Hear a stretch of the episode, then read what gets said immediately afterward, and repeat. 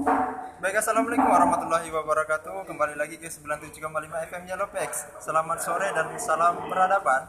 Uh, Senang sekali Pak Ruri hari ini uh, Pada sore hari ini uh, Tentunya masih bisa menemani kawan-kawan di uh, siaran radio kita Radio tercinta kita. Tentunya akan mengulas sedikit mengenai Sekolah terobosan baru ini Yang baru berdiri di Provinsi Bengkulu uh, Yang uh, tentunya kita sudah bersama narasumber Uh, beliau ini adalah pengurus yayasan sekaligus panitia penyelenggara penerimaan mahasiswa baru siswa baru di SMK Agribisnis Dangau Datu Provinsi Bengkulu. Ya, Bang gimana Bang kabarnya? Sehat? Alhamdulillah sehat. Ini Bang, kita uh, sudah mendengar ini uh, desas-desus bagaimana SMK ini berdiri gitu kan, tapi kita belum mengetahui persis gitu kan. Apa yang sebenarnya menjadi ide terbesar sehingga SMK Agribisnis ini bisa berdiri, Bang. Oke. Okay. Nah, sebelum kita menuju SMK, kita ceritakan dulu ibaratnya visi dan misi Yayasan Akademi Peradaban Desa.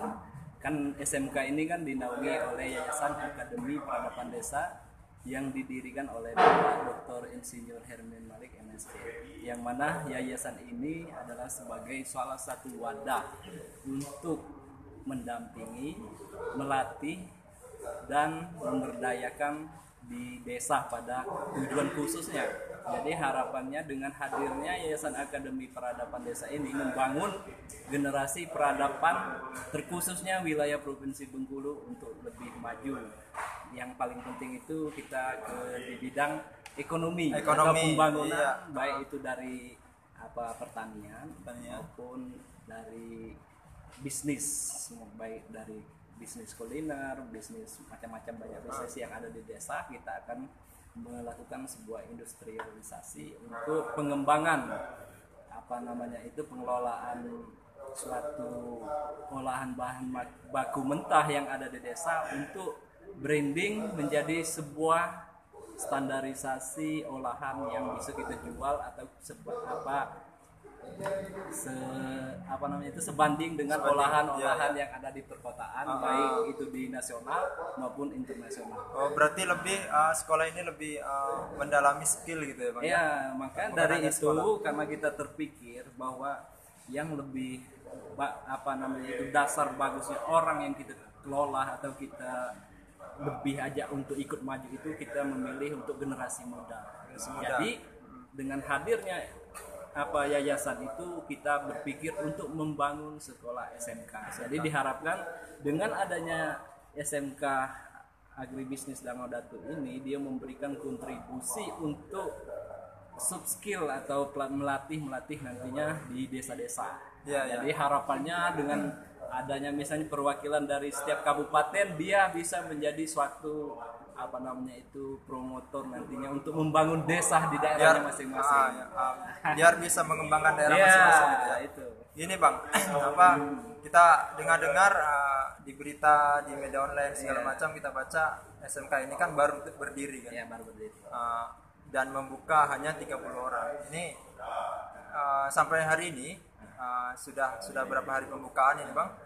sudah berapa banyak orang yang berminat masuk SMK Agribisnis kita ini, Bang? Kemarin kan kita kita apa dari seluruh apa anggota yayasan baik itu pembina, awalnya itu kita hanya ingin mengambil itu 24 anak atau siswa-siswi seperti itu kan. Siswa -siswi. Tapi karena melihat minat apa generasi muda di Provinsi Bengkulu aja itu hampir yang daftar ini 140 empat ditambah tiga orang dari, dari luar provinsi Bengkulu. Jadi sudah 147. 147. Ya, dan kita lihat tadi sore kan ditambah lagi ada yang masih mendaftar. Jadi antusias generasi muda untuk apa bersekolah di Yayasan Akademi Peradaban Desa atau SMK Agribisnis dan Ratu itu meludak, meludak, meludak ya, meludak sekali. Walaupun sekolah baru ini iya, memang sekolah baru. Jadi terobosan luar biasa gitu. Ya karena banyak orang berpikir itu dengan sekolah kejuruan mereka itu membangun sub skill mereka atau bisa dikatakan ketika mereka nanti setelah selesai sekolah mereka ada bekal. Ada bekal, nah, bekal untuk keterampilan. Jadi mereka selain mempunyai apa ijazah mereka ada keahlian khusus yang nantinya bisa dijadikan untuk mereka berwirausaha atau untuk pergi ke mana pasti butuhnya skill. Ya itu tadi uh, sedikit uh, sedikit uh, apa namanya pencerahan dari narasumber kita untuk pendengar dan uh, masyarakat yang mendengarkan radio kita boleh mengirimkan saran dan salam-salamnya melalui 0853 27 tanya jawab boleh tanya jawab salam-salam sekaligus uh, langsung saja bisa menghubungi di 0823 6172 9668 dan bisa juga uh, mengajukan pertanyaan di Facebook kita di Dangau Datu Dangau Datu dan juga bisa di fanspage kita di Ankor Dangau Datu Bengkulu. Dan uh, ini Bang sebelum menunggu uh, menunggu apa namanya pertanyaan sekaligus ada yang mau ngobrol nanti Bang sekaligus. Nah, ini sebenarnya apa yang menjadi uh, syarat-syaratnya Bang? Uh, syarat-syarat sehingga yang menjadi prioritas prioritas untuk masuk di SMK kita. Jadi yang kita cari itu yang pertama itu orang-orang yang memang tidak mampu tidak mampu nanti tidak mampu itu bisa jadi orang tuanya sudah nggak ada lagi atau memang mereka ini kalau nggak disekolahkan gratis mereka putus sekolah seperti itu. Jadi banyak yang kita temui di desa-desa itu masih banyak orang-orang yang putus sekolah karena ketidakmampuan mereka atau orang tua atau keluarga untuk melanjutkan sekolah. Dan ada juga dia mampu tapi dia kalau sekolah itu perjalanannya jauh bisa menempuh 4 jam 5 jam dari desa karena desanya masih terisolir atau daerah perkebunan seperti itu. Dan juga memang ada yang berdasarkan kemauan. Jadi anak ini memang kemauannya sangat tinggi untuk sekolah di sini. Selain dia tidak mampu atau oh, apa namanya itu bisa dikatakan juga anak yatim dan juga kemauan kemauan dari, kemauan dari anak itu siswa sendiri. itu sendiri ya. Dan sekolah kita ini berbasis asrama atau seperti apa bang? Iya, jadi sekolah ini yang dikonsep sama Bapak Dr. Insinyur Herman Malaysia yaitu sekolah berasrama karena dengan asrama ini bisa di sana mereka membentuk karakter mereka baik disiplin, tanggung jawab dan juga kebersamaan mereka. Jadi mereka nanti diharapkan dengan dididik dari apa guru-guru yang di asrama tersebut baik dari segi etika mereka, keagamaan mereka. Jadi mereka itu memiliki ada aturan-aturan sendiri.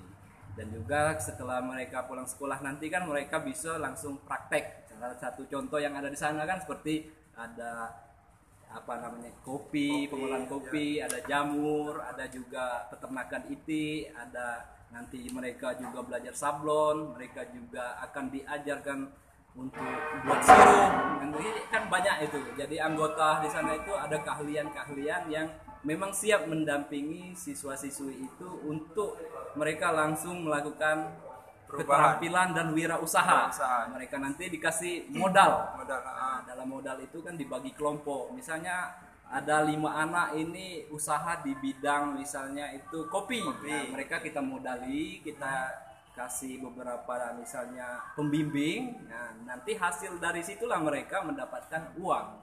Nah mereka kan jadi mandiri. Jadi sekolah gratis ini kita harapkan itu man kemandirian anak. Jadi dengan mereka berwirausaha ada uang yang mereka sisihkan untuk biaya hidup mereka. Misalnya mereka mau beli baju dari hasil wirausaha. Wirausaha itu ya sendiri ya. Ya cukup uh, apa namanya memberikan pencerahan mengenai SMK agribisnis yang baru berdiri namun pendaftarnya sudah cukup luar biasa melebihi batas yang di kemudian bang hmm. uh, progres ke depan uh, apa namanya setelah tahun ini mungkin hanya 30 orang yeah. kemudian melihat pendaftaran ini kan sangat luar biasa kemungkinan di tahun tahun ke depan SMK ini kan SMK gratis, nah. apakah akan menambah kuota atau seperti apa nanti bang? Ya kalau dari rencana kita sebenarnya itu pinginnya sekolah ini bisa dua kelas atau tiga kelas, tapi untuk sementara karena kita juga keterbatasan apa namanya itu seperti bangunan asrama seperti itu kan kita masih terbatas, jadi kita masih apa namanya itu fokus di satu kelas, Satu kelas yang pen- biarlah satu kelas akan tetapi memang hasil dari mereka itu ibaratnya produktif. Atau orang-orang ini memang ibaratnya berjalan dengan lancar baik tanpa ada ibaratnya gangguan. Kalau misalnya kita paksakan juga dua kelas nanti kita susah juga ngaturnya. seperti itu seperti ruangan belajar seperti tempat tidur mereka kan seperti itu. Jadi lebih baik kita sedikit apa tampung dulu satu kelas tapi efisiensinya sudah terpenuhi mereka Eh, kemudian eh, lokasi sekolah kita di mana nih? kalau lokasi sekolah kita itu di Air Sebakul di Pekan Sabtu Pekan Sabtu ya, Kelurahan Pekan Sabtu. Kelurahan Pekan Sabtu jadi di sana itu kan apa gambaran lokasinya itu kan kalau kita dari Stein itu kan Ya, dari Stein. dari Stein terus nanti ketemu pom bensin Sebakul itu kan ke kanan arah apa namanya terminal Terminal Betungan. terminal Betungan Oh, iya. bukan terminal Sebakul Air dulu Sebakul. yang dekat agribisnis itu iya. sentral agribisnis lurus terus ikuti jalan dua jalur nanti ada sebelah kanan itu apa gedung nanti ada spanduk besar itu yayasan akademi Yayasan peradaban desa. Peradaban Desa. dan ada juga SMK di sana kan banyak nampak umbul-umbul Oh, ada umbul-umbulnya ya, ya? Gedung dua buah yang bertingkat itu kan lahannya cukup luas di sana. Ada sekitar 7 hektar yang apa dikelola nantinya untuk tempat pendidikan, pusat pelatihan dan pendidikan yang dihibahkan oleh Bapak Dr. Insinyur Herman Malik MSc. Jadi beliau sangat apa mendukung ke apa pendidikan Bengkulu ini dan pelatihan-pelatihan untuk generasi muda. Jadi walaupun mereka nanti misalnya yang nggak sekolah atau dari desa kan generasi muda desa pingin belajar juga boleh nanti kan seperti orang itu magang kursus Oh, magang gitu Nah, ya. nanti kita kasih juga apa namanya itu sertifikat Sertifikat. misalnya ada dua anak ini pingin belajar nyablon dia kita kasih ruang untuk pelatihan menyablon nanti kita kasih sertifikat Ya, ya. Luar, luar biasa kalau kita sudah mendengar ini uh, para pendengar radio kita dan uh, kita tunggu uh, teleponnya bahkan uh, apa namanya mungkin mau bertanya dan sebagainya boleh di 0853 6172 96 96 98. Uh, kalau kita ambil benang merahnya dari penjabaran narasumber tadi bahwa uh, SMK ini berdiri untuk orang-orang yang uh,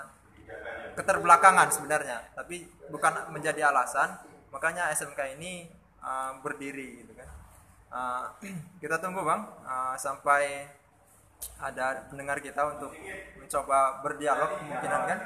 Bertanya-tanya ada yang mungkin bertanya udah buka, buka sudah tutup atau belum? Iya. kan untuk untuk pendaftaran kita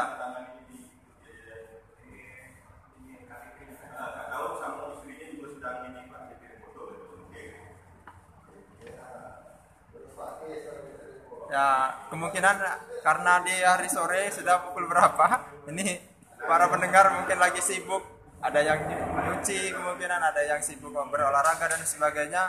Ya kita uh, tutup saja uh, dialog kita yang sudah berbincang dengan Bang Puris yang sudah mengulas SMK Agribisnis secara luas. Uh, sampai bertemu lagi di session-session selanjutnya dalam diskusi bahkan uh, ajang ajang request boleh nanti di pertemuan selanjutnya. Itu saja uh, kita akhiri. Assalamualaikum warahmatullahi wabarakatuh. Waalaikumsalam